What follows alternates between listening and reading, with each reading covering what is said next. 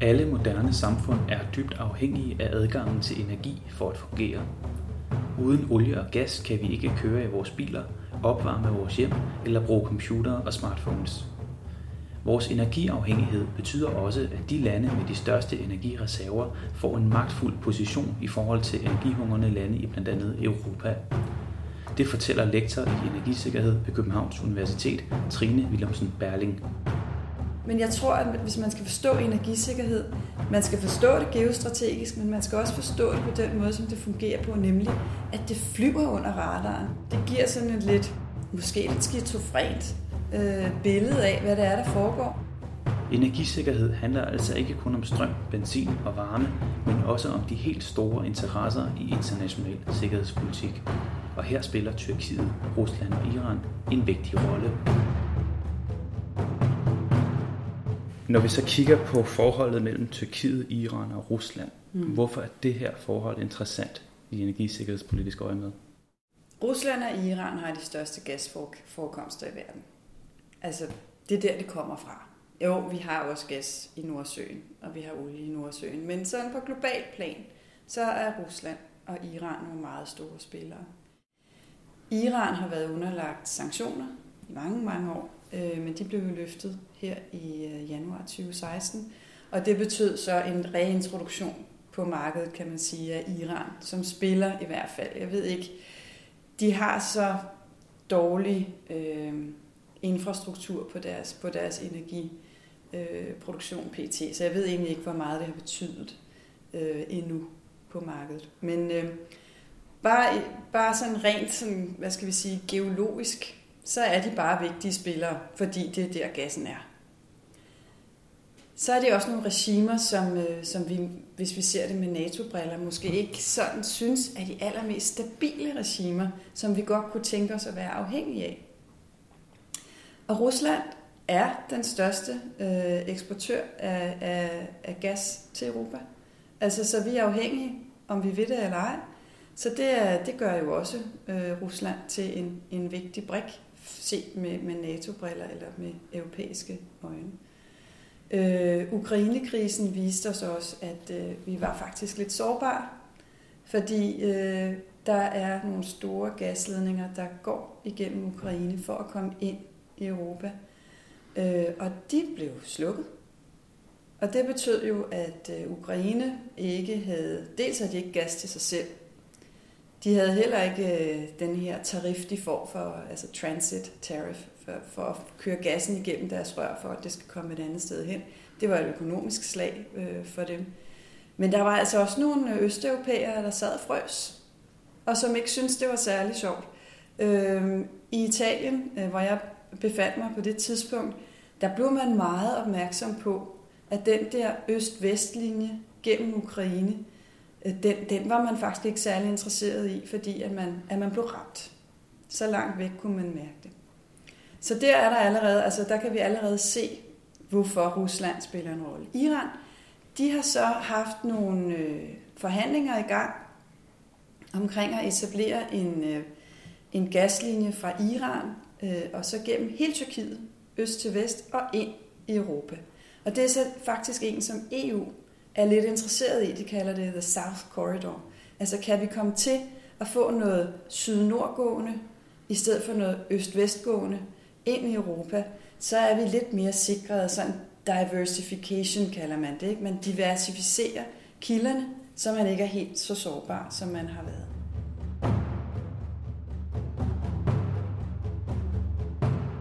Tyrkiet er interessant, fordi det ligger, hvor det ligger. Det er et land, som altid, hvis man taler sådan i store teoretiske termer, altså i de her regionale sikkerhedskomplekser, vi har talt om, jamen der har Tyrkiet ligget på grænsen mellem to.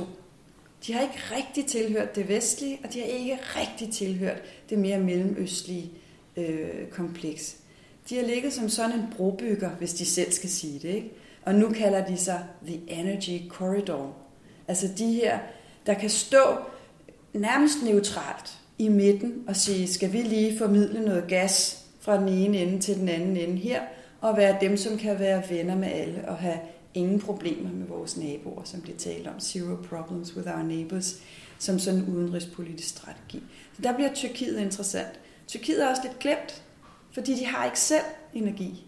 Så de har også brug for det. De, de har så nu øh, aftalt denne her øh, Turkstream, som, øh, som skal komme øh, og gå øh, fra Rusland direkte til Tyrkiet.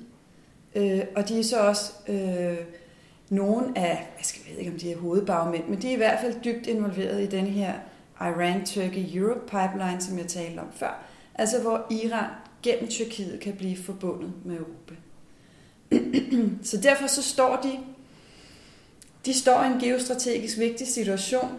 Øh, de er medlemmer af NATO, og de står og forhandler med nogen, som NATO sådan ikke kan snakke så godt med, egentlig, typisk. Øh, det er jo meget godt for NATO. Det er også lidt skidt for NATO, hvis de så går imod nogle af de allieredes øh, andre interesser. Men det man sige, der flyver energi og energipolitik tit lidt under radaren. Og selvom man kan se folk stå og sige, ja, lad os bygge et A-kraftværk, som russerne opfører i Tyrkiet. Øh, aftalen øh, blev indgået i 2014, underskrevet nu her for ganske få uger siden, midt under kribkrisen. Øh, det synes NATO nok ikke var så spændende. Men jeg tror, at man vil se, at der er dagsordner, som sagtens kan være fuldstændig modstridende, når energipolitik er involveret, fordi, fordi det flyver på en anden kanal, og det bliver transmitteret på en anden kanal end den store geopolitik. Det giver sådan en lidt, måske lidt skizofrent øh, billede af, hvad det er, der foregår. Men jeg tror, at hvis man skal forstå energisikkerhed, man skal forstå det geostrategisk, men man skal også forstå det på den måde, som det fungerer på, nemlig at det flyver under radaren. Det er markedet tit, som opdager det her, før at vi opdager det geopolitisk, hvad det er, der foregår. Markedet er hurtigt. Det internationale marked, som går ind og gerne vil tjene penge på de her projekter. Det er mange penge i energi. Ikke?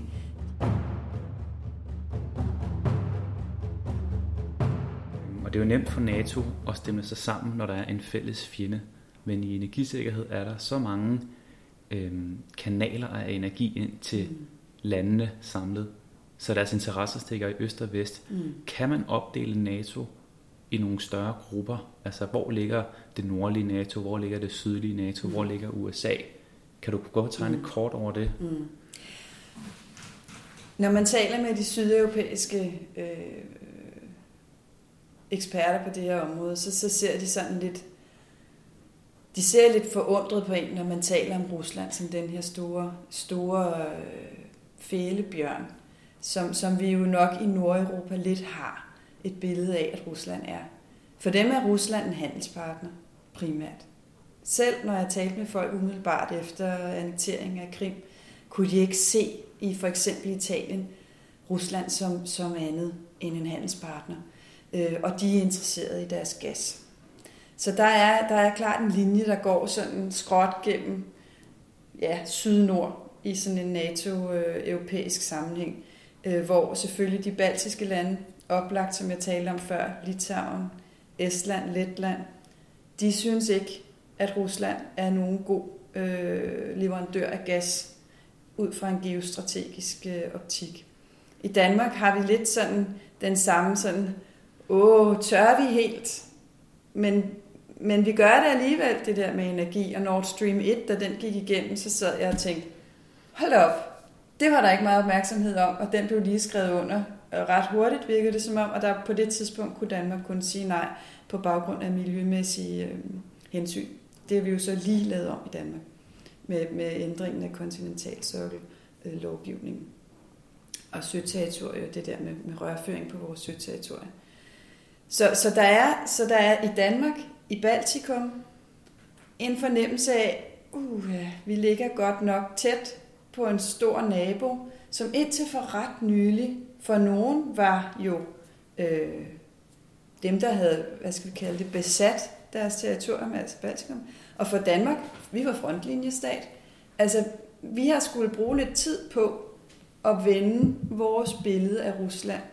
Men sydpå, ja, jo, det er en stat, vi handler med. De har en masse rar gas, vi gerne vil have. De vil bare helst ikke have, at det her gas det skal løbe igennem Ukraine, fordi det er altså, det kan man se dernede, det bliver for ustabilt. Så derfor så er der nok et ønske om, at man får pipelines øh, til at løbe et andet sted øh, end gennem Ukraine, fra den, øh, fra den øh, placering i Europa eller i NATO. Øh, men at den kommer fra Rusland, gassen, jo, det tror jeg ikke. De, de tænder for hanen, og så, og så kører det. USA, der er vi inde i en helt anden snak. Jo. Og der er Danmark jo lagt sig i en position, som ligger meget tæt op ad USA. USA er ikke interesseret i, at Rusland skal være så dominerende på gasmarkedet i Europa.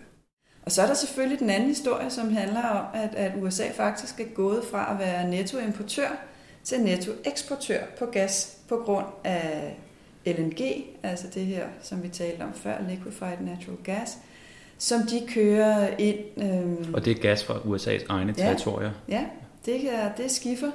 Det er skiffergas og udvinding af gas på USA's eget territorium, som man jo for ganske få år siden overhovedet ikke kunne forestille sig ville være en situation. Altså USA, du sagde, vi er energisultne. Ja, USA er en energisulten nation.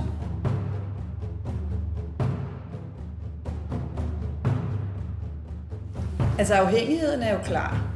Europa er afhængig af russisk gas. Da man lavede en stresstest i 2014 på, øh, hvad ville der ske med de europæiske lande, hvis den russiske gas blev stoppet i en seks måneders periode i et samarbejdsscenarie, fordi, hvor det skete, fordi at der var en eller anden form for uheld på linjen, og i et ikke-samarbejdsscenarie, hvor det var hybridkrig, altså det her med, at man bruger gasleverancerne til øh, at føre krig, øh, mod sine øh, modstandere, jamen der kunne man se, at hele Østeuropa og særligt Finland blev ramt benhårdt. Der er ikke nogen mulighed for diversificering på den korte bane. Det var et seks måneders scenarium. Der var ikke nogen kilder, der kunne gå ind og, og fylde op der, hvor tomrummet kom, hvis russerne slukker for hanerne. På den lange bane, der er der en grøn omstilling, som selvfølgelig stadigvæk, som jeg startede med at sige, involverer gas i meget stort omfang. Men i Danmark vil vi jo gerne tale om øh, vedvarende energi, vindmøller, solceller. I, I Norge er man jo virkelig god til vandkraft. El, elforbruget i Norge ligger over 95 procent dækket af vandkraft, øhm, som jo er vedvarende energi. Vi tænker i Danmark Norge som et olieland fordi vi synes lidt, vi er tvillinger i den der, eller i, i virkeligheden er vi lillebror, ikke? og så er Norge storebror. Men Norge, ja, de hiver olien op, og så sælger de den, og så bruger de pengene på deres velfærdssamfund. De bruger selv energi primært fra, fra sådan noget som vandkraft. Og det er på den lange bane jo noget, der vil stille Europa i et helt andet... Øh, I sætte dem op i en helt anden liga, hvis vi skal ind i det der sportssprog igen. Ikke? Det er jo virkelig selvforsyning og uafhængighed, der vil noget. Og det tror jeg, man også med fordel kan begynde at tænke i, ikke bare klimamæssigt, men også med strategiske briller på. Det er ikke en dårlig idé for Europa at begynde at være mere selvforsynende gennem vedvarende energi.